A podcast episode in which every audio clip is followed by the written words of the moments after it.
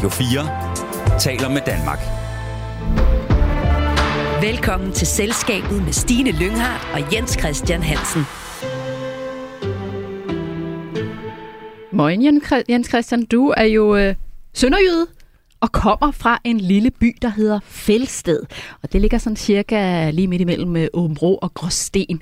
Kan du ikke lige prøve at fortælle om, hvad øh, Fælsted var for en by, dengang du boede der? jo, det kan.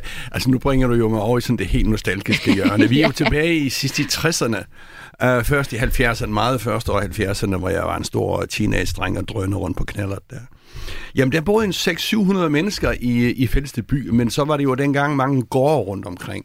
Og hvad var det i Fældste by med de der 600-700 indbyggere? Der var fire købmænd, to slagtere, to bager, to grønhandlere, to kroger, øh, et tatol, hvis nogen kan huske tatol, øh, elektrikervirksomhed, en smed, en tømmervirksomhed, øh, en murforretning osv. Og hvad et er det nu? væld af liv. Et væld af liv, og spørger du mig så, hvad det er nu? Ja. Okay, jamen, der er en spar, og så tror jeg stadigvæk, det er en grillbar. Uh, Ullas Sko uh, lukkede her i 2018. Uh, så er det jo også en, en centralskole, og det er jo en sportshal. Altså alle byer i Jylland med over 500 indbyggere, nu strammer jeg den vist lidt, har jo selvfølgelig en kæmpe sportshal. Men det er ligesom det, det er øh, i, øh, i Lille Fælsted, der ligger der mellem Sønderborg, Områ og Gråsten.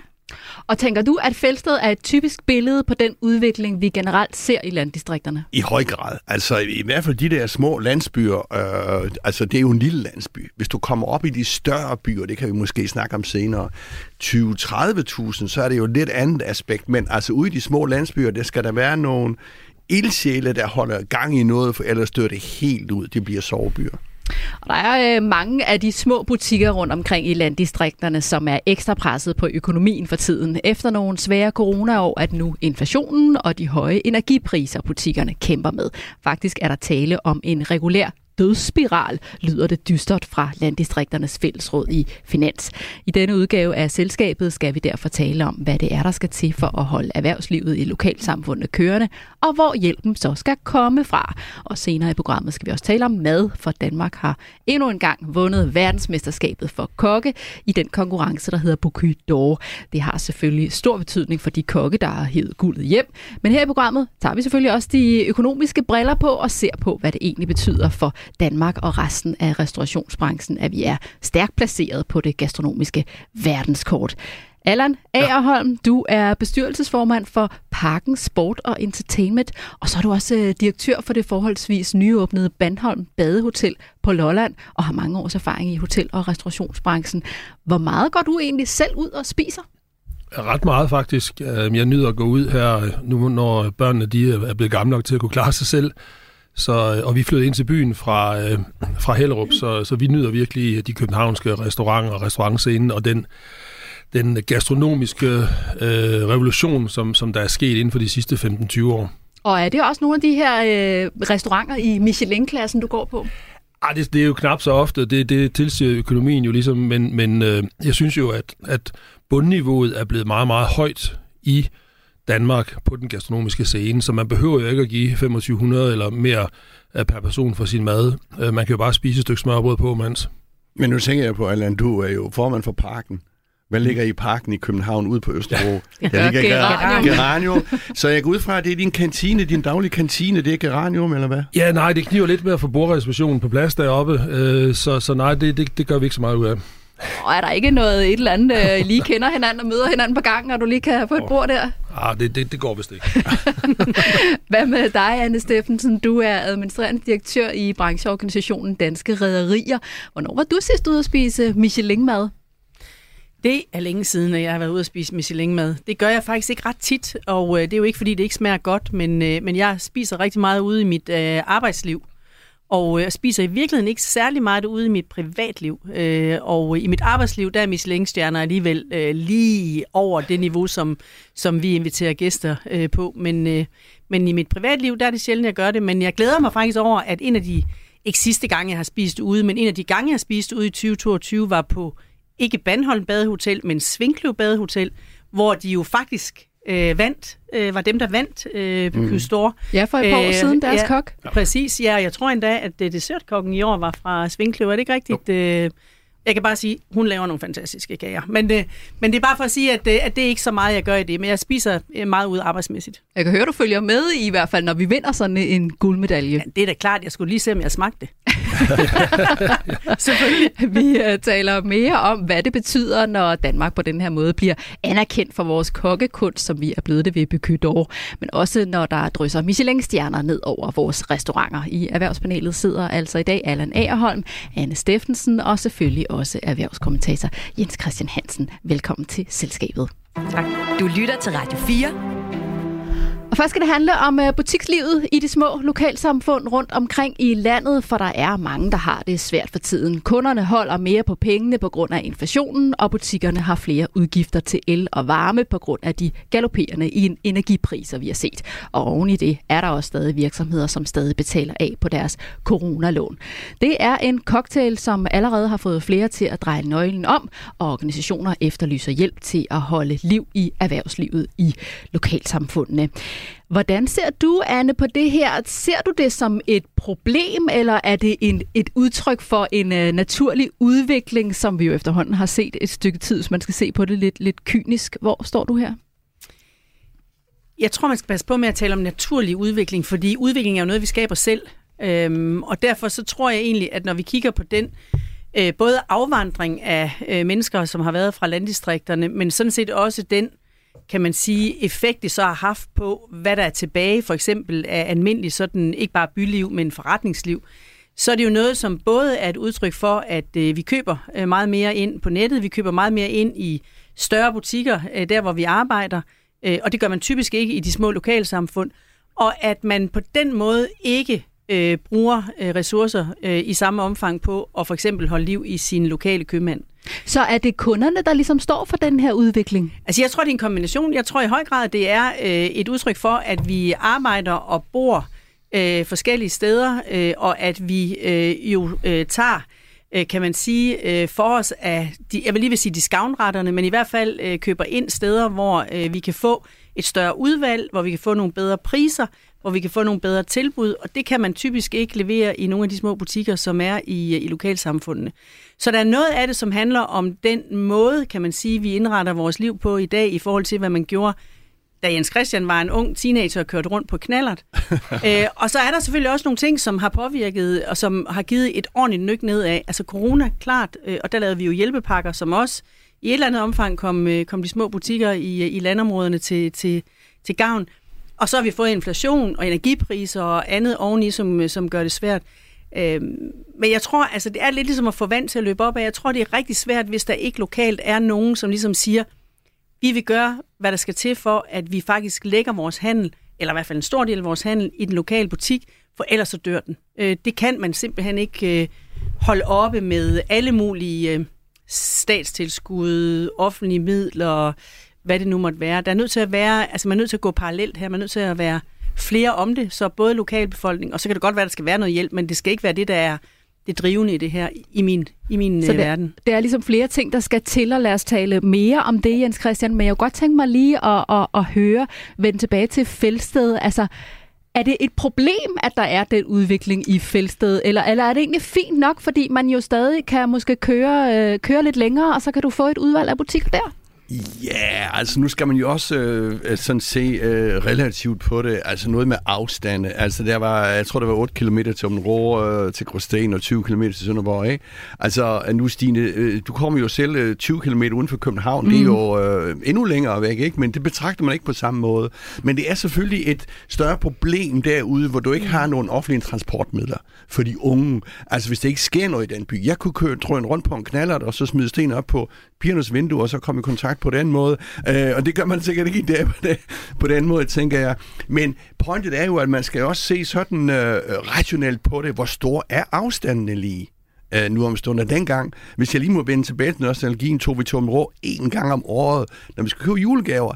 Jamen nu er man jo selvfølgelig... Øh, øh, tænker jeg, øh, i Åben Rå øh, i det her tilfælde øh, hele tiden. ikke? Så afstandene er blevet meget mindre, det skal man også lige have med. Og altså er jeg meget enig med, med Anna, altså det er jo fint med alle de der statslige ting, men det har det jo med at skævvride ting og, og, og skabe nogle kunstige, øh, øh, øh, hvad skal man sige, nogle kunstige tilstande. Men det kræver vel også lokalt, at man så bruger de tilbud, der er, og det er der jo sikkert masser, der gør, men, men jo til synligheden ikke nok til, at det ligesom kan holde liv i de her I hvert fald butikker. ikke for butikslivet, vel? Altså, ja, man kan sige, den der spar, for nu er man tilbage til Fælsted, med al respekt for spar i Fælsted, altså det er jo ikke der, du får sådan lidt øh, sjovt mad til fredag eller lørdag, når du skal have gæster, så skal du alligevel til Åben Rå eller Gråsten for at købe mm. øh, øh, lidt bedre ting, ikke? Eller lidt bedre vin, eller hvad du nu har lyst til, ikke? Så altså, det, jeg vil sige det sådan, altså man kan, man kan få øh, fornødenhederne, hvis man kan bruge det udtryk, og så er det sådan, det er. Så er det sådan en, øh, mange af de landsbyer, som er Det er måske værre så nu på Vestjylland, hvor det er 20-30 km til den nærmeste større by. Øh, men ellers bliver det jo sådan nogle sovebyer, hvad skal man sige, øh, øh, øh, øh, som mere eller mindre hænger sammen med de større købsteder. Men hvad kan man bruge de her små butikker til, hvis man alligevel ikke kan få alt det, man skal bruge? Jamen, det er også det, jeg mener. Ikke? Altså, så kører du alligevel øh, ud til den større købstad. Ikke? Så, så man skal også passe på ikke at blive alt for nostalgisk, tænker jeg, omkring de der små øh, landsbysamfund. Eller nu nævnte jeg det her med, at du er engageret i et uh, badehotel mm. i Bandholm på, uh, på Lolland. Kan du ikke prøve at fortælle lidt mere om, om det område? Fordi jeg kan huske, at du på et tidspunkt fortalte her i programmet, at uh, hvis man ikke kunne få bord på jeres restaurant, eller af den ene eller den anden grund, så var der ikke andre restauranter at gå på. I hvert fald ikke i Bandholm, som det er lige nu. Men altså, Bandholm, det er jo fældsted. Øh, fast forward 50-60 år senere, ja. eller hvad det nu bliver, hvor, hvor man kan se, at butikkerne har været en gang. Fordi du kan se vinduespartierne. Mm. Vi ejer blandt andet en ejendom dernede, som helt sikkert har været øh, bank eller supermarked eller sådan noget, fordi det er store vinduespartier. Øh, og vi ejede også en, en, den bygning, der har benzintanken, som nu er automatiseret, og den lokale købmand, som er for længst lukket. Øhm, men det tager jo så også kun, nu snakker du be, øh, bevægelighed, det tager altså 12 minutter at køre fra Bandholm til Maribo. Og det første, man møder i Maribo, det er Aldi, Superbrusen, Menu, øh, og, og de har jo det udvalg, som, som vi i dag er, er ude efter. Det, det kan den lokale købmand øh, ikke have. Når det så er sagt, så er der helt apropos det en lokal ak- aktionsgruppe, som har sat sig for at genåbne købmanden ved at samle midler ind blandt de lokale. De har søgt øh, statsligt tilskudsmidler, noget der hedder lakmidler, og har fået det. Øh, og mangler lige nu bare at finde en, en, en købmand, en driftig købmand, som har mod på at kaste sig over sådan en, en opgave her, fordi at, og drive sådan et sted, tænker jeg, der, der, det er noget, man gør. Altså, der har man sin butik og står fra morgen til aften, nærmest syv dage om ugen, for at det overhovedet hænger sammen. Og det er altså ikke alle, der har lyst til at gøre det i dag. Men synes du, det er et problem, at de her små butikker lukker? Altså er det også noget, der betyder noget for resten af erhvervslivet i det lokalområde? Det er i hvert fald noget, der betyder noget for livet i området. Det kan jeg jo se, fordi når vi kommer dernede uden for sommersæsonen, så, så er der jo ingen liv whatsoever. Øh, og det gør jo, at når vi driver et hotel dernede, jamen, der er ikke noget andet at gøre. Hvis man lige mangler en, en tube tandpasta eller et eller andet, så ja, du kan nok få den i receptionen, men du kan i hvert fald ikke gå op til købmanden og købe den, for den er lukket. Eller sejler du din løsbåd i løsbådhavnen om sommeren, jamen så er der ikke noget. Øh, og og det, det, det er, er selvfølgelig ikke særlig fremmende for, for sådan et, øh, et, et sted. Øh, Så, så vi ønsker jo, at det lykkes for dem at, at få det op at stå. Øh, Men vi ser altså også en anden tendens, skal jeg lige huske at sige, og det er, at der er, altså, der er en trend i den anden retning. Vi møder flere og flere øh, typisk yngre familier, som er flyttet ud af hovedstadsområdet, mm. eller flyttet ud af København, og køber sig et, et dejligt hus, et lille landsted, eller hvad de nu har råd til. Og, og dernede kan du jo få en, en rigtig, rigtig fin øh, ejendom, villa med have og lidt land og sådan noget, øh, for langt mindre, end det koster at få en toværelses på Østerbro. Og hvad oplever du, at det gør ved lokalsamfundet? Altså tænker du, at der på den måde bliver, bliver skabt mere liv også på sigt? Der bliver skabt mere liv, men ikke nødvendigvis den nostalgiske del af slagsen, fordi de her familier har ikke, de, deres behov bliver ikke opfyldt af en lokal købmand. Altså, de vil stadigvæk køre ind til, hvis det er hos os, Maribo, eller Nykøbing Falster, eller, eller Nysted, eller hvor de nu er henne. Øh, deres, det, de vil bruge den lokale købmand til, det, det er sådan nogle hoserkøb. Og, og det tror jeg bare er svært at holde sådan en købmand i live på. Mm, det er det der, når man lige mangler, øh, har Ja, glemt du at købe lige og mangler et eller andet, ikke? eller, en citron til din gin tonic, hvad ved jeg ikke. Altså, så, så kribler du lige derned og henter den, og det, det tror jeg simpelthen ikke er, er, at jeg tror ikke, det skaber nok sug, og, og skal man gøre det, jamen, så, så skal du på en eller anden måde kompensere, tror jeg. Øh, og det kan du ikke gøre på prisen, fordi det er i forvejen møgdyrt at drive sådan et lille sted, ikke? Men jeg er sikker på, øh, at Allan, nu har I så Bandholm øh, Badehotel, øh, og du siger, der sker ikke noget rundt omkring. Kunne man ikke sådan forestille sig, at Altså mange af de steder, øh, synes jeg, nogle af de steder, jeg har været, så, er det, så siger det sådan, det er mad fra den lokale, øh, øh, hvad skal man sige, øh, produktion. Kunne man, ikke, kunne man ikke lave noget turisme ud og opleve sådan, øh, hvordan man opdrætter køer? Eller, det, det, det er måske svært i dag, men i hvert fald sådan på en eller anden oplevelses øh, øh, øh, ting. Jo, og det sker sådan set også dernede, fordi nu, nu, nu taler vi lige om Bandholm, hvad sker der der? Men det vi ser, det er rundt omkring på Sydhavsøerne, at der popper nogle ting op i øjeblikket, øh, den grønne verden, som er øh, en, en ældre mand og hans søn, der har sat sig for at dyrke, øh, jeg vil nærmest kalde dem verdens bedste grøntsager. De er sindssygt gode. Altså virkelig, virkelig flot produktion. Øh, Dalbakke går og laver nogle Det kunne man da godt komme ud og besøge. Jamen det kan du også, på det tager du, jamen det, nu, så ligger, men det ligger jo der, hvor landet, altså jorden ligger. Det ligger så ikke i Bandholm by, for jeg står hus på det. Så, så det ligger måske, hvad tager det, 20 minutter at køre derhen eller sådan noget. Og, og, og der er en lang liste, så det er ikke sådan, at der ikke sker noget på i hvert fald ikke på... Altså, Sydhavsøerne er der voldsom gang i.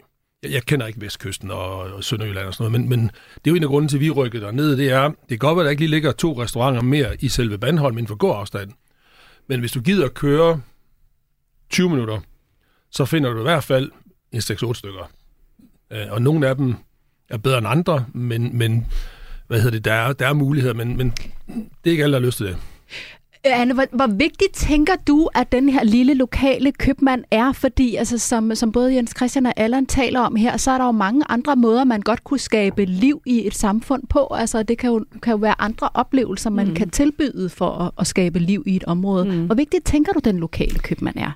Jamen, altså, jeg, tror, jeg tror faktisk, at, øh, at det at have et, øh, et lille smule lokalt butiksliv, det betyder rigtig meget. Og det er jo fordi, at der skal være nogle naturlige mødesteder i en by.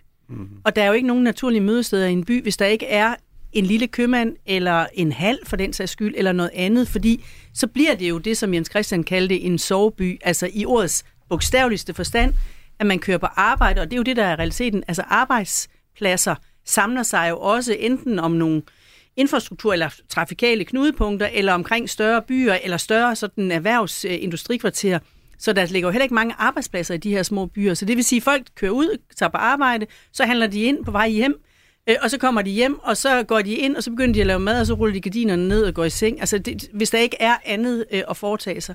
Og derfor tror jeg, at, øh, at der, hvor man har held med at lave gode lokale samfund, altså hvor øh, det virkelig fungerer, det er så nogle steder, hvor der er det Jens Christian kaldt ildsjæle, altså nogen, der ligesom sætter sig for, vi vil have en købmand, vi vil også lægge de penge, der skal til, i hvert fald på basisvarer, for at den er der. Vi vil have en velfungerende hal, eller en velfungerende øh, grillbar, eller kantine med, hvad ved jeg, sund slik til børnene, whatever man nu gør i sådan nogle. Altså, så, så på den måde øh, er der behov for, at man i sådan et lokalsamfund finder en eller anden fællesmængde, man vil være fælles om, og så går man all in på, på det.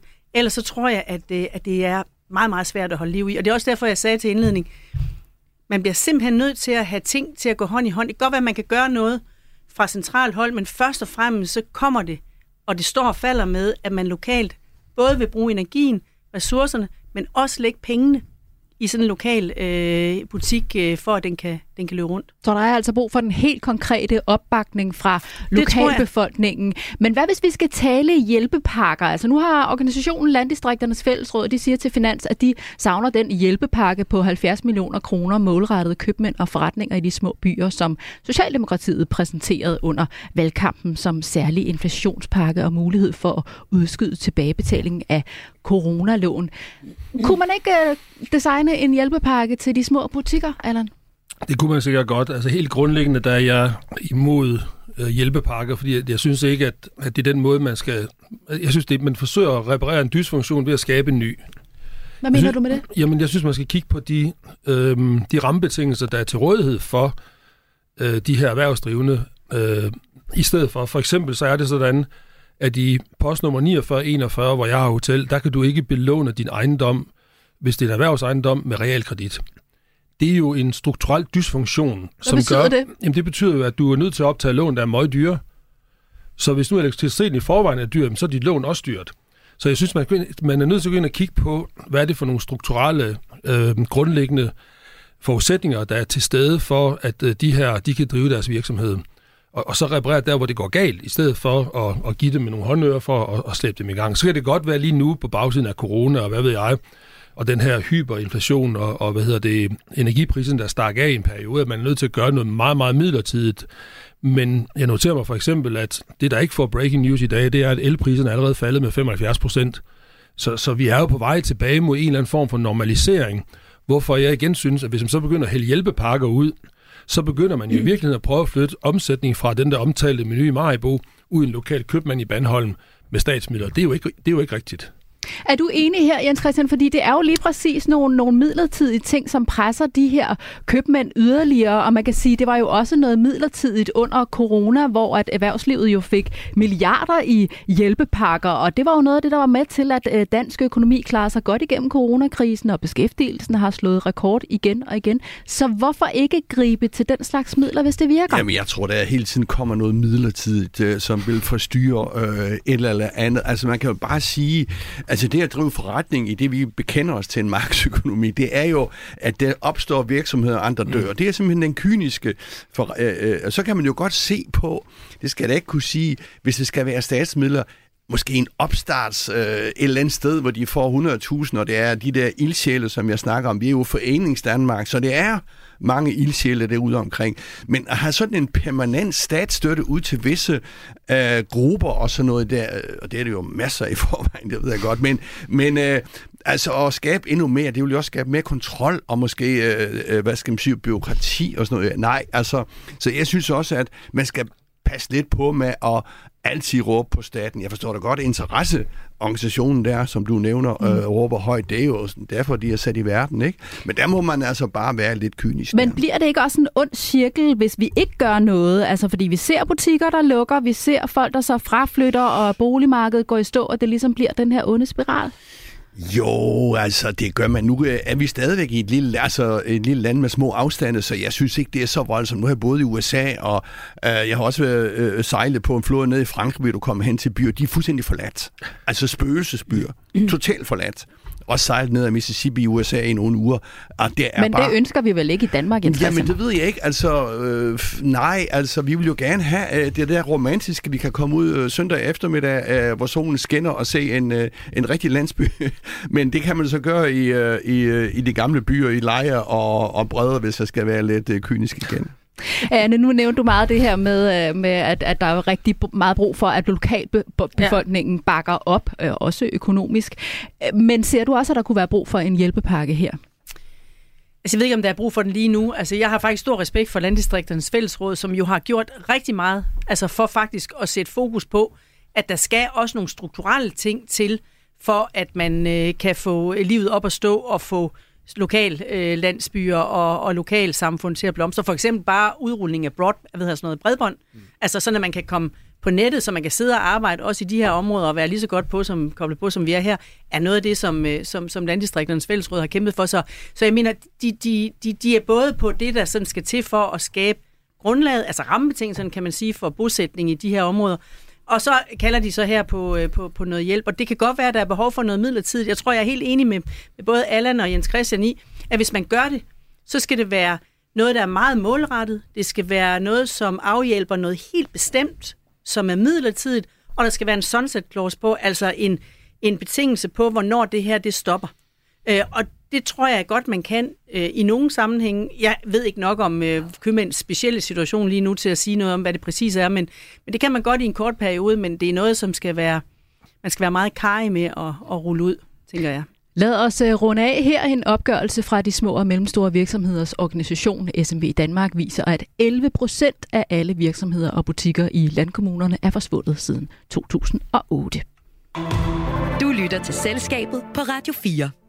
Anne Steffensen, Allan Agerholm, erhvervskommentator Jens Christian Hansen. Vi skal have en quiz. Det er her, vi tester, hvor godt I egentlig har fulgt med i Det sagde du altså ikke, før vi kom. Erhvervsnyheder.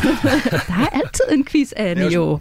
Lad os springe Nå, over igen, Stine. skal vi bare... Okay, vi siger, det var slut. Tak for i dag. Nej, prøv at høre. Vi laver en uh, skarp linje hernede igennem studiet, hvor Anne og Allan står på den ene side, og Jens Christian mm. står på den anden, og vi spiller gæsterne mod erhvervskommentatoren. Sådan. Stillingen er lige nu 3-1 til gæsterne. Mm. Så udgangspunktet det er meget godt, Anne. I dag skal I give mig navnet på en leder, der er aktuel i medierne i denne uge. Jeg kommer med nogle ledetråde, og den, der først giver mig det rigtige navn, vinder quizzen. Og Anna og Allan må selvfølgelig gerne øh, drøfte jeres overvejelser med hinanden, inden I svarer, men det gælder altså om at være hurtigst på aftrækkeren. Hvem er denne leder? Det er en person, som selv har arbejdet på gulvet, inden han blev leder. Som I nok kan høre, er det en mand, og jeg kan afsløre, at han er 51 år. Så bliver der visket over hos Morten. gæsterne. Hyppe. Ja, Morten Hyppe. Der kom Morten Hyppe. Det var fordi, det var det med de 51, fordi Morten Hyppe, der jo lige er stoppet som uh, Okay, tryk, rigtigt. Ja, trykchef. ja. Men Nå, det er ja. faktisk ikke ham. Nå, Det er en anden, jeg leder efter. Ej, jeg troede også lige, vi havde den. Ja, ja. Nå, det er ikke ham. I får men, lidt øh, han er ledetråde. 51. Ja, ja, ja, det er nemlig rigtigt. Ham her, han har gjort karriere i både Tyskland og Danmark. Han har skabt klare og målbare resultater, som vækker begejstring og anerkendelse i bredere kredse, end dem han arbejder direkte sammen med. Så det, det lød spøjs, kan jeg næsten se på dig, Jens Christian. Det, du, øh, Det er håndbold. Ja. Nikolaj Håndbold. Nikolaj Jacobsen. Den tog Jens Christian altså. Det er det nok. fuldstændig Du havde den også. rigtigt. Jamen, det han er er nemlig også 51. Ja. Ja, Nå, nå, nå. det er nemlig Og han har rigtigt. arbejdet i Tyskland i, øh, i rhein løven og øh, øh, jamen, jamen altså, Vi, altså vi er glade for at kunne give Jens Christian det point. Ja, det er godt med en livline. Ja. Det Nikolaj godt. Jakobsen for, for president. ja. Jamen, altså, det var lige præcis Nikolaj Jakobsen, landstræner for de danske håndboldherrer, som netop er blevet fejret efter de vandt VM for tredje gang i træk. Har I fulgt med? Ja da. Ja da. Åh, det er godt. Hvis vi skal kigge på Nikolaj Jakobsen som den leder, han er, hvad kan andre ledere så lære af at kigge på ham, Allan? Han øh, kommunikerer meget klart og tydeligt og simpelt. Altså, ikke, altså forstå på den måde, at når der er kamp, så roder han ikke rundt i alverdens ting og sager. Han siger til dem, det er det her, jeg vil have, I laver. Og det responderer spillerne på. Og hvad, hvad er det, der gør, at det ligesom sådan lykkedes ham at, at få resten af holdet med? Hvad tænker du, Jamen, jeg tror også, det har meget at, at, at, at gøre med, han har ligesom øje for den enkelte, hvis man nu skal rose ham. Det er sikkert også meget dårligt at sige om den her ledelsestil. Men, men øh, altså, hvis det er en, det er sådan, altså, hvis du er nummer 17 i den trup, ikke? og der er altså kun plads til syv på banen, og du ved som den 17. mand, du kommer sandsynligvis i kamp. Hvordan skal du ligesom være ind i fællesskabet øh, og sidde og råbe, her er Danmark, eller hvad det nu hedder. Øh, så jeg tænker på, at det er det der med at, at, at også få, få, få sådan dem, der ikke er, er, er synlige, altså ikke stjernerne, men vandbærerne, kan du sige, og få dem med på holdet mm. også. Øh, og det tror jeg er sindssygt vigtigt. Er du enig her, Anne? Ja, der er ikke nogen tvivl om, at øh, det, som øh, Nikolaj Jakobsen kan, det er øh, at, øh, at have blik for, at øh, man ikke kun har stjerner, hvis man skal vinde så lang en turnering, som et øh, VM i, i håndbold er, men at man er nødt til at have bredden. Og hvis man har bredden, så er man jo nødt til at være sikker på, at, øh, at man både har nogen med, som er unge og kommende stjerner, og nogen, som, øh, som, som er gamle og, og garvede. Øhm, og, og, og, og det gør han jo ved at være motiverende og sørge for, at øh, de faktisk alle sammen får lejlighed til at, øh, og, for eksempel at få spilletid. Og at han så hiver Rasmus Lauke ind øh, sidste kamp, og ligesom får ham sat op til, at det er now or never. Hmm. Det er jo bare... Og altså, han så ovenikøbet også brillerer. Det er Det er jo godt. god- Hvad siger du, Men jeg tænker også bare på, at det kræver, tror jeg, at i det her tilfælde, at Nicolai Axel, har accepten, har respekten hos de mennesker. Altså, du kan jo ikke bare komme ind og så være sådan fra starten. Du ser også ham sprutte og væse ude på sidelinjen, og han siger sikkert noget fuldstændig øh, øh, ledelsesforkert øh, til sine medarbejdere, til sine, øh, til sine spillere der imellem. Men jeg tror, hvis du har respekten og accepten, inden du ligesom starter på ledelse. Og hvordan får man det? Jamen, det er nok en højere videnskab, men jeg tror i hvert fald, det er en del af, af, af nøglen mm. også, ikke? Det tror jeg også. Tænker du, Allan, at Nikolaj Jakobsen han egentlig er attraktiv som leder andre steder, hvis han ikke skulle fortsætte som håndboldtræner en dag? Det synes jeg er et svært spørgsmål, for jeg kender ham ikke godt nok.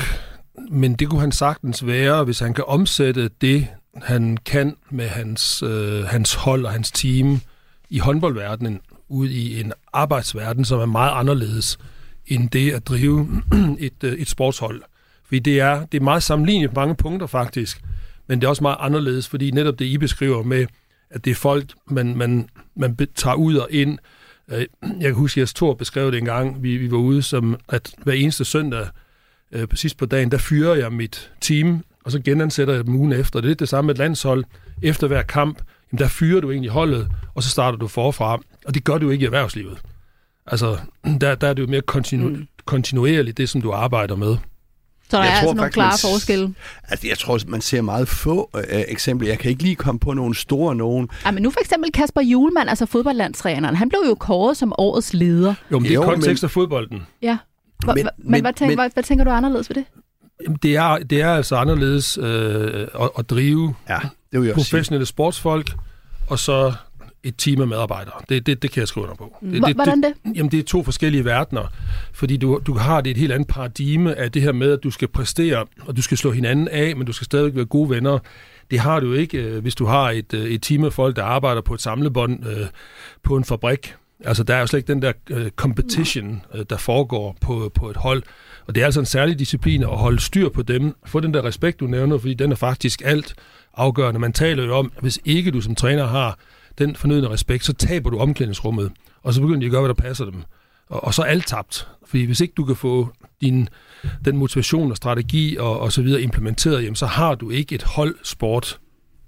Er du enig her, Christian? Ja, altså øh, meget. Og jeg sidder og tænker og tænker og tænker, om det Ulrik er nu... Vilbæk er vel et af de eksempler på en håndboldtræner, som har skabt sig selv en karriere efterfølgende, ikke i erhvervslivet, men i politik, Så var det i politik, som og så... borgmester og så videre, hvor man jo både er en ener og skal coache nogen, men hvor man jo altså på den måde ikke, som man har i en virksomhed, har ansvaret for sådan en øh, i hvert fald mod, meget målbar øh, bundlinje, og hvor man heller ikke er den, der ansætter, hyre, fyre og sådan noget der, og skal skabe den der teamstemning. Det har man en kommunaldirektør til, men, men Ulrik Vilbælk er vel det bedste eksempel på en landsholdstræner, som er blevet til noget, som vi også har hørt om efterfølgende. I hvert fald mm. det eneste, jeg kan komme på. Og tænker ja. du, han bruger håndbolden i det?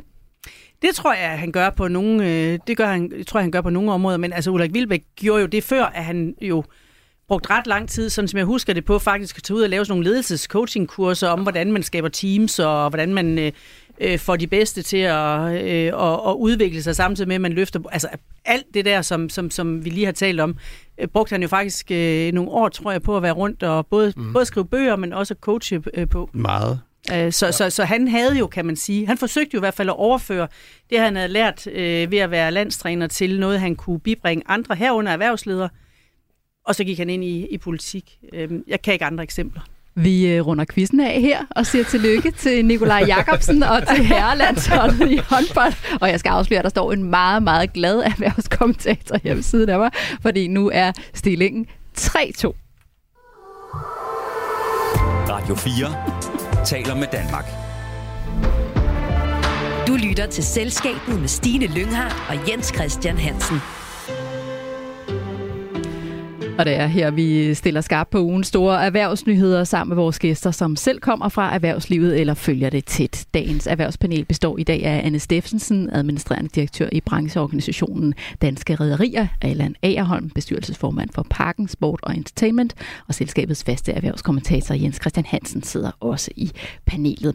Nu skal det handle om mad, den slags, som er kælet så meget for i detaljen, at den vinder priser. Danmark har netop vundet den prestigefulde kokkekonkurrence på Coup d'Or, der bliver betegnet som det uofficielle VM for kokke. Jens Christian, hvilken betydning har det, at vi vinder sådan en konkurrence? Uh, altså, jeg tror, det har rigtigt, det ved Allan jo meget mere om, men uh, jeg tror, det har rigtig meget betydning for turismen, uh, uh, kendskabet til Danmark, og mindre betydning for den, den konkrete uh, virksomhed. Altså, det kan vi måske vende tilbage Hvorfor til. Men, det? Fordi det der med at have super uh, restauranter og Michelin-restauranter, det viser sig, at uh, det er meget, meget svært at få det til at hænge økonomisk sammen, med mindre du har en donor, eller hvad man nu skal kalde det, en rigmand, som køber sig ind øh, og øh, betragter det som et, et, et trofæ, eller hvad man nu skal kalde det, eller hans egen øh, personlige interesser, eller hvad ved jeg, øh, så er det meget svært at få, øh, få økonomi øh, i øh, altså verdens bedste, vores Noma der, øh, som jo har eksisteret knap 20 år, tror jeg det er, Uh, og som er blevet, uh, hvad skal man sige, uh, uh, uh, belønnet igen og igen og igen, har jo haft sindssygt svært ved faktisk at få økonomien til at hænge sammen. Og lad os lige vende tilbage til det her med økonomien, Allan. Jeg kunne godt tænke mig lige at høre lidt mere om, hvad det egentlig fører med sig. Nu nævner øh, Jens Christian det her med, med turismen. Altså, hvad, hvem er det, der har størst gavn af, at vi får sådan en anerkendelse her? Jamen, den har faktisk en, en ret øh, bred indflydelse, fordi den er med til øh, på, på mange parametre at fremhæve Danmark. Øhm, du behøver ikke at være foodie nødvendigvis for, altså ude i, i verden for at bemærke det her. ikke mindst fordi vi har vundet den så mange gange nu. Og, og derfor så vores lille land begynder at markere sig meget markant på den gastronomiske scene. Det vi ser, der er sådan de direkte afledte effekter af det, det er, at vi har en meget stor gastroturisme, der kommer ind til Danmark. Øh, I forår tilbage var det primært i, i hovedstadsområdet, men nu er det faktisk over hele landet. Og det er ikke alle, der kommer her for at spise på Michelin-restauranter som sådan, men de kommer, fordi man har oplevet, at vi har gennemgået en gastronomisk revolution i Danmark de sidste 20-30 år, som er værd at rejse efter. Fordi selvom du måske... Øh, ja, det kan være, at du spiser på Michelin-restaurant en aften, hvad ved jeg, men selvom du ikke gør, så kan du få gode gastronomiske oplevelser rundt omkring i landet, stort set alle steder, på alle mulige niveauer. Øhm, og det har selvfølgelig betydning. Det har en stor betydning for interessen for at gå ind i faget, fordi det er med til at understrege, at niveauet i vores fag er meget, meget højt. Øh, og nu er det så godt nok en kokkekonkurrence, hvor der ikke er betjeninger så involveret, men, men du får jo ikke nogen Michelin-stjerner, hvis du har en forfærdelig betjening. Altså begge dele skal spille og hænge sammen, så får du ikke de her stjerner. Og der er vi jo et af de, de lande i, i, i Nordeuropa, der har flest, øh, jeg tror også, vi er dem, der har flest stjerner i Norden, øh, så vidt jeg husker øh, samlet set. Så, så det, er sådan, at det er alle sammen med til at trække i den rigtige retning på, på alle parametre. Så er det ligesom sådan en snibbold, der ruller? Altså, der er nogen, der får anerkendelse, om det er en konkurrence, eller om det er Michelin-stjerner, eller hvad det er. Altså, at så er der flere, der går ind i det. Så ja. er der også flere, der rejser hertil, og på den måde vil der være... Altså, er det altså, en snibbold, der ruller? Jamen, det er, den snibbold, den blev sat i gang i 80'erne.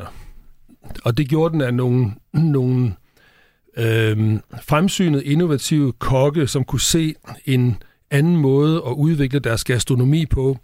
Øh, Søren Gerke, øhm, øh, Erwin Lauterbach er, er nogle af dem, der var først i gang. Øh, hvad hedder, Jens Peter Koldbæk øh, var faktisk den første til at tage medalje i Bukhyste år med sølvmedalje i 1992 til alles overraskelse. Øh, han tog ned i et folkevognsrubrød. Han havde ingen økonomi. Han pakkede, hvad han havde, og så kørte han ned, og så tog han en sølvmedalje med hjem og, og var med til ligesom at se, vise, prøv at det behøver ikke at være en stor forkromet løsning, hvis bare du er dygtig. Og, og så er der simpelthen øh, igennem årene, har det udviklet sig og spredt sig. Og når man ser på de kokke, der i dag tager de store trofæer med hjem, så er der uden undtagelse altid en lige linje fra den kok, Brian, marker nu, og så via, altså de har stået lærer lære fra en af dem her, jeg nævner, næsten uden undtagelse, Michel Michaud, øh, Francis Cardinaux eller andre René. har... Øh, ja, ja, så, ja, så, kommer, men så kommer mellemlaget, og det, det, er der, den, ah. det er der, hvor den virkelig tager fart. Det er faktisk, da øh, Meyer og Recepi, øh, de melder sig på banen her for nogle af 20 år siden. Øh, Meyer skrev det her manifest omkring øh, maden. Øh, René går i gang med at innovere på det. Og så kommer de andre på bagsiden af det, Kufu som et godt eksempel, som den første i verden, der tager bronze, sølv, guld i Bocuse d'Or i tre på en anden følgende år. Det er aldrig sket før og kommer næppe handler, til at ske igen. Men altså, det handler også meget om markedsføring her, fordi man kan sige, at en, en revolution eller et spring, fordi hvis jeg har, øh, øh, det er selvfølgelig rigtigt, hvad du siger, men pludselig så siger man, hov, nordisk mad, vi skal ud og plukke, hvad det er ude i skoven og sådan noget. Altså, det, Jamen, er også, det er også den der fortælling, øh, den, som spiller ind i det her, tænker jeg nej, jo den ikke. er vi faktisk forbi. Jamen, det, øh, øh, det var jo det, der startede nu. Ja, men det, det var det, og, og den, den, den var med til at skabe fortællingen deroppe i, det har været sådan midt-slut 90'erne, ja. tror jeg nok, op ja. i nullerne. Og så var den ligesom brugt, så nu er de i gang med andre ting, mm-hmm. øh, hvor, hvor det ikke nødvendigvis behøver at være på den måde mere, men, men det er alt sammen fodret ud af det. Øh, så, så, så det er virkelig en, en meget, meget flot fortælling. Jeg har faktisk skrevet en bog om det, øh, Danmarks Astronomiske Revolution, som Ole Troelsø skrev for nogle år siden. En ret fed bog, mm. hvor han virkelig går i dybden med, hvem var det egentlig, der skabte det her? Hvor kom de fra? Og hvad er det for en fortælling, der, der så er sket på bagsiden? For det var virkelig, det var virkelig nogle nørder, vil jeg sige, kærligt, der i 80'erne, der satte sig for, at nu skulle mad laves på en anden måde. Op til det punkt, der havde vi alle sammen rodet rundt i Escofiers gamle bog med bechamel sauce og øh, øh, chaufroid og hvad ved jeg, noget forfærdelig mad. Øh, hvor man så gik over til at, og, og, hvad hedder det, jeg kan huske, da jeg gik på kokkeskolen, øh, tilbage i tiden. Altså, der er kunne du gået på kokkeskole? Jeg er så forstår vi bedre, at du kan så meget. Wow! hallo, hallo, hallo, hallo. Jo, jo, men, men det var ikke pointen. Pointen var, at du kunne dårligt nok opdrive en, en frisk grøntsag dengang. Her er vi tilbage i start 80'erne. Den gang uh, Kina-kål også var rigtig populært. Ja, ja, bestemt. Altså, jeg var nær dumpet min, Island. jeg var nær dumpet min svendeprøve, fordi at jeg tillod mig at importere nogle friske asparges og sætte i min dekoration. De synes, jeg snød. der er sket meget siden dengang, Anne. Jeg ved, at øh, du også har boet i både New York og i London. Hvordan oplever du den opblomstring, der er sket i Danmark, hvis man for eksempel sammenligner med nogle af de her store byer? Der er ikke nogen tvivl om, at man er øh, altså at man har haft en madrevolution i Danmark, som, og når du spørger, hvem er det, det kommer til gode, hvem har ligesom gavn af det her, så er det jo rigtigt turisme og alt muligt andet. Men faktum er jo, at det er jo danskerne, der først og fremmest har haft gavn af det her, fordi det har løftet hele niveauet. Øh, og nu har vi ikke bare øh, fine restauranter, vi går ind og spiser på, nu får vi for eksempel også ordentligt brød. Altså hele brødkulturen er jo også er født ud af det her, øh, at du kan købe ordentligt brød, som ikke er sådan noget, Hvidt. og det er ikke for at genere guldbærerne, men sådan noget, hvor det er præblandet mel med præblandet gær og sådan noget. Så, så, så, så på den måde. Og hvis man ser det udefra, så må man bare sige, at, at det har jo øh, i høj grad været sådan, at øh, i London har man altid kunne spise godt. I London har man altid haft øh, nogle meget, meget fine restauranter, hvor man har kunnet gå ind og så øh, spise hos øh, Michelin-kokke. Men, men selv sådan et sted som London er det jo også bredt sig i den forstand, at der er kommet flere mm. restauranter, som også har en, en bedre bund. Og så er der jo et rigtig mange skøde restauranter også, hvor man kan spise virkelig, virkelig dårligt. Og sådan er det også i New York. Øh, og så har den her, kan man sige, revolution i, i Danmark også gjort, at nogle af de her jo også har taget det med. Altså Maja har haft aktiviteter, og har det sikkert stadigvæk i New York, og har prøvet ligesom at sige, kan vi tage det her med ud i verden? Øh, Noma har haft pop-up-restauranter i, mm. i London på Hotel Ritz, så vidt jeg husker, mm. for ligesom at vise, hvad kan man her? Altså servere øh, levende myrer på tatar, og hvad har du? altså, så, så man, på den måde har man jo også taget den fortælling med ud, og ligesom krydder den med de ting, som er foregået i, øh, i, i andre store byer. Så jeg synes, at, øh, at, øh, at de ting har spejlet sig lidt i, i hinanden i virkeligheden. Og nu kommer der navne her på banen, også som øh, Claus Meier og René Redzepi, som vi jo kender fra Noma, men det er jo faktisk kun få uger siden, at Noma meddelte, at de lukker som restaurant, og i stedet vil fokusere på at udvikle mad mm. og producere fødevarer, og så måske åbne som pop-up restaurant en gang imellem. Jeg har godt lige tænkt mig at læse et citat op fra Berlingske, og det er netop uh, René Redzepi, der udtaler sig i forbindelse med lukningen. Han siger, at drive gourmet-restaurant er jo en high-performance sport, så ekstrem, at det nærmest er en umulighed at gøre det. Det sker kun, fordi folk er så ekstremt passionerede i vores fag. Der er det så, jeg håber, at vi kommer ind nu med en anden model. Ellers tror jeg, at flere og flere gourmet-restauranter vil blive overtaget af folk, som har så mange penge, at de har råd til at drive den slags restauranter på samme måde, som de har Premier League-klubber, uden at der i øvrigt skal være noget galt i det. Personligt foretrækker jeg bare min uafhængighed hvad ligger der i det, René Redzepi siger her, Jens Christian? Ja, men det ligger jo det i det, øh, synes jeg, jeg kan høre, at det økonomisk er svært for sådan en øh, som øh, Noma at få økonomi i det her. Altså, og hvis jeg har forstået det ret, så er det jo sådan noget med, at de der omkostninger eksploderer, og så kan man så diskutere meget, der var mange historier om, at mange arbejder gratis, og arbejdsforholdene er dårlige. Men det korte og lange, det er vel, at de restauranter, der er det jo en til en, altså en gæst, øh, en medarbejder øh, stort set. Så det vil sige, omkostningerne øh, er jo ek- ekstremt høje. Hvad er det, der koster? Jamen, det er, jo, det, er jo, det er jo medarbejdere, og jeg tænker også, at når du skal have friske ting ind, altså, øh, så skal du smide en masse mad ud, vil jeg tro, uden at jeg ved så meget om det. Men altså, samlet set skal de også ligge et godt sted, øh, altså øh, husleje og lys, varme og, og hvad ved jeg. Så, så omkostninger kan ikke... Altså, øh, og spørgsmålet er jo, hvor meget du kan øh, hæve prisen på, øh, på de der øh, måltider. Ikke? Er det også sådan, du oplever det? Ja, det er det. Øh, og uden at øh, altså sagt i al kærlighed til sådan øh, den del af Michelin, Michelin, altså dem, der er på 1, 2, 3 stjerner, så er det jo sådan en pincet madkultur. Mm-hmm. Ikke? Det er jo altså nærmest en kok per ingrediens. Det koster rigtig mange penge. Så er der hele betjeningen, som Allan var inde på før. Det koster også rigtig mange penge. Og jeg tror egentlig, at øh, på et eller andet tidspunkt, så når vi også et niveau, hvor det bliver så øh, pincet, øh, og mere pincet end kniv og gaffel, kan man sige. Mere øh, det formfulde end øh, smukke, æstetiske, og selvfølgelig også nogle meget specielle smagsoplevelser over for noget, som handler om tilbage til den gode råvare, til at øh, i virkeligheden, at jo mindre du gør ved dine råvarer, jo mere smag kan du måske få ud af dem nogle gange. Altså, så jeg tror, at, øh, at hvor vi har været helt i den ene grøft, så er vi på vej over i den, i den anden. Er vi kommet for, for langt over i pincetretningen? Altså, i, i min verden er vi, og jeg kan huske, at jeg havde, der var på et tidspunkt, hvor man havde i København sådan noget... Øh, ja, sådan en, en, en madfestival eller sådan noget, så, så åbnede der en restaurant, som hed Knipskaj, altså hvor man sad under Knibbelsbro, og så var der forskellige, jeg tror det var et vinhus, der havde, havde den, og så var der forskellige kokke, der kom ind, og der kom en, en kok ind den dag, jeg var der, med gav sådan noget 600 kroner, og så spiser du og drikker du alt, du vil, og hun kom, og så sagde hun, for mig er det sådan, at det vigtigste i forhold til den mad, jeg serverer, det er i virkeligheden, at jeg rører så lidt ved den som muligt. Mm. Mm. Forstå på den måde, at du ligesom får ægtheden og øh, den råvare, du sidder med, får du det bedste frem i, uden at gøre alt for meget ved den. Og det synes jeg egentlig var et meget fedt princip, altså at man ikke nødvendigvis behøver at gøre mad til noget, som er en kæmpe videnskab, men mad kan også være noget, man giver en oplevelse på, baseret på den råvare, man nu står med. Så jeg tror, vi er lidt på vej den vej. Men Allan, man kan også godt altså, undre sig lidt over, at det kan være svært at få en Michelin-restaurant til at løbe rundt, fordi det kan jo faktisk være rigtig svært at få bord. Altså man kan jo vente i ja. måneder på at få bord sådan et sted, så bordene bliver jo fyldt op. Uh, vi har jo også set danskerne forbruge uh, masser af penge her uh, de seneste mange år, så hvorfor er det, det er så svært at få det til at løbe rundt? Det er fordi, der er så voldsomt høje omkostninger forbundet med det på, på råvarer og på, øhm, på, på bemanding, fordi vi, vi snakker vi snakker øhm, meget, meget detaljeorienteret, ultrapræcis madlavning, hvor der går øh, sindssygt meget forberedelse i at lave klar til service om aftenen. Og så, fordi du har så høj en detaljegrad på din tallerken, der bliver sendt ud, hvis du er oppe og være 60 stjernet Michelin-restaurant, så kræver det mange hænder for at lægge det. Og, og I skulle prøve at komme ind i sådan en køkken der, øh, både under forberedelse og under service. Altså i service, der bliver jo ikke sagt et ord nærmest.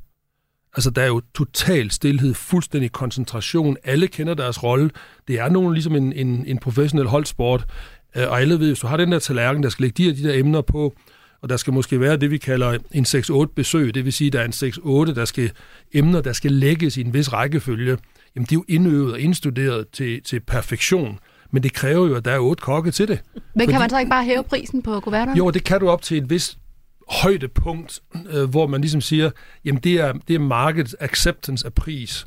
Og, og der er København nu i forhold til, til de internationale priser, hvor jeg har ikke været på, på Grania for nylig, men jeg mener, at deres menu ligger på 2800 kroner for maden. Og så kan man godt synes, det er mange penge. Ja, du kan starte med at trække 25% moms ud, væk med det. Og så har de faste udgifter, og så har du det tilbage. Og når, når de køber en råvare. Nu, nu de jo, øh, altså, når, når de køber et stykke fisk, det er jo ikke bare et hvilket som helst stykke fisk. Det er super frisk fanget, sourcet med nøjagtighed et eller andet bestemt sted fra, og, og det kræver bare en masse ressourcer. Når det er så sagt, så er der altså også Michelin-restauranter, der klarer den. Søllerød Kro har faktisk et okay regnskab. Kin Kin har givet overskud alle de år, jeg kender op til corona. Øh, bare for at nævne nogle, nogle stykker. Men hvordan gør AOC, de så det? Jamen det gør de ved, at de nok er en lille smule mere købmandsagtige omkring det endelige produkt, men de får heller ikke tre stjerner så får de en eller to. Mm-hmm. Jeg kunne godt tænke mig at spørge dig, Allan, altså hvad er ligesom balancen her? Fordi der er jo også noget, som hedder Madklubben, nu springer vi lige lidt i det, men som jo er en kæde af mm-hmm. øh, okay mad, og man kan vist komme ind og få øh, en øh, menu for 300-400 kroner. Ja. Det er sådan okay to mand og en flaske vin, eller hvad det nu skal til. Men skal man op og betale 1000 kroner for en menu? Altså, hvor findes, findes der sådan en balance per kuvert, som man kan sige, det kan du drive som som, øh, som, øh, som kæde, og hvis du skal op og have Michelin, så, så, så, så er det noget andet. Jamen det, det er det, fordi vi snakker nogle forskellige, nogle forskellige niveauer af gastronomi. Hvad er det? Altså, hvor stor en detaljegrad er der gået i det? Hvor stor en præcision? Hvad er det for en type retter, du serverer?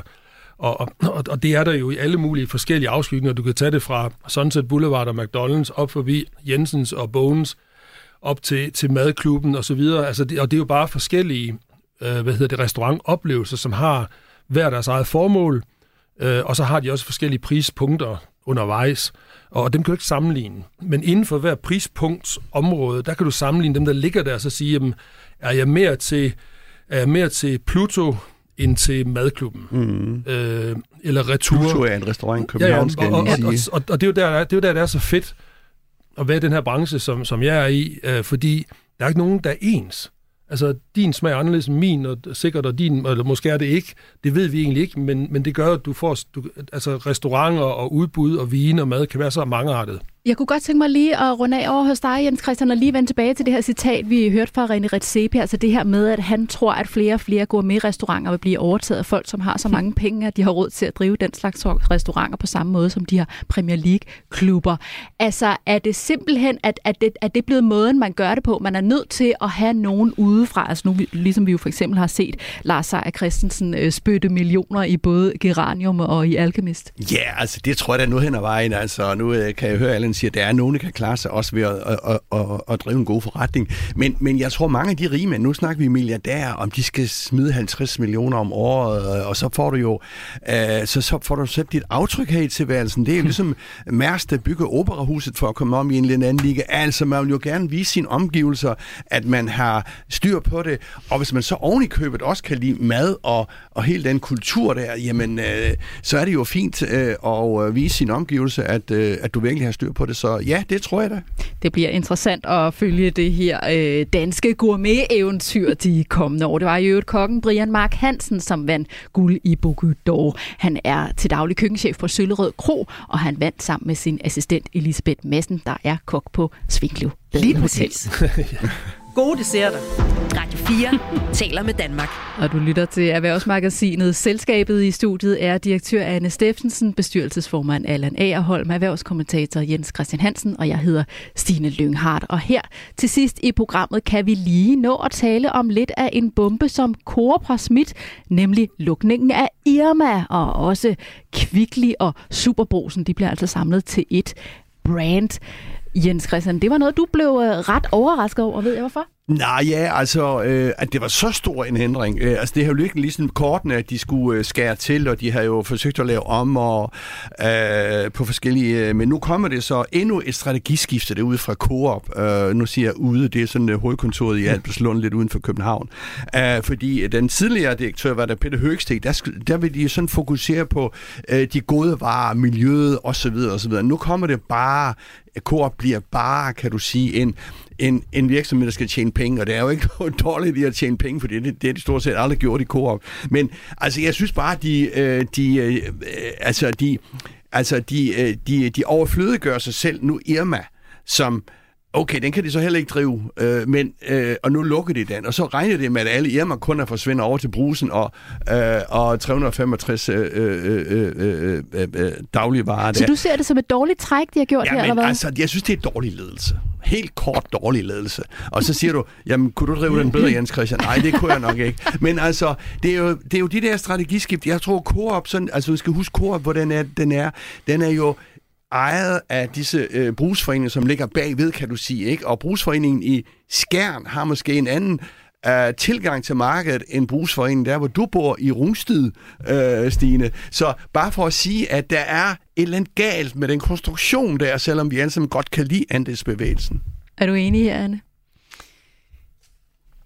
Altså, jeg tror, det har været... Altså, jeg, jeg tror, det her det er gjort af nødvendighed. Jeg tror ikke, at Coop synes, det her det er særlig sjovt. Øhm, fordi Irma jo har været sådan en, øh, en ikonbutik øh, igennem mange, mange år. Ja, 136 år, synes jeg, jeg læste. 137 år, tror jeg. øh, jeg læste, og det synes jeg jo er det god stil, at Per Bank, som jo er hovedkonkurrenten, øh, og som er chef for Salling Group, undskyld, han skrev på Twitter her for lidt siden, så han har været bestyrelsesformand i sin tid, hvor Irma sagde tak for for de mange gode 137 år, tror jeg det var. Og, og han var selvfølgelig også lidt trist ved det her.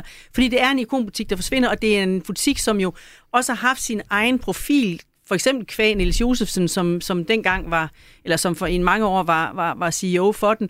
Og det var sådan en butik, hvor der blev kælet for detaljen. Det var bestemt kundegruppe. Man kunne få noget i Irma, man ikke kunne få andre steder.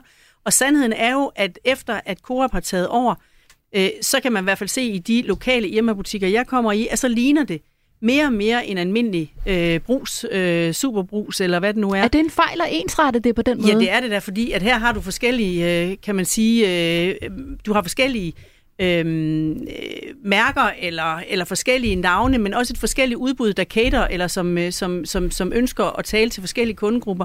Og jeg kan i hvert fald være at sige, for mit eget vedkommende, så er det længe siden, at jeg har synes, at der i Irma var noget, som jeg kunne få til en pris, som ikke fordi den skulle være billig, men fornuftig, som jeg ikke også kunne for eksempel få i menu. Vi skal lige nå dig, Allan, også. Ser du det som et tab, at uh, Irma nu lukker? Nej. Det gør jeg ærligt, ærligt talt ikke. Altså, øh, det undrer mig, at de ikke har gjort det for meget, meget lang tid siden. Jeg ser simpelthen ikke formålet med, at man i en supermarkedskæde, som i virkelig har en supply chain, øh, sprøjter det ud i seks eller syv forskellige varemærker, som er stort set mere eller mindre ens. Og så kan det godt være, at, at den, øh, at, hvad hedder det, øh, at Irma var engang, jeg kan huske, at jeg flyttede til, til København første gang start 80'erne, og jeg blev da ikke blown away, da jeg kom fra Jylland. Lad os øh, runde af her. Vi er nået til vejs ende i selskabet i dag. Tak til vores gæster, Anne Steffensen, direktør i brancheorganisationen Danske Rederier, Allan Agerholm, formand for Parken Sport og Entertainment, og selvfølgelig også til dig, Jens Christian, og tak til dig, Katrine, fast fantastiske Katrine, ude bag ved knapperne, som Hun har sidste dag hos os i dag. Rigtig god vind. Fremover, vi andre lyttes ved på næste onsdag. Programmet her var produceret af Beam Audio Agency for Radio 4. Radio 4 taler med Danmark.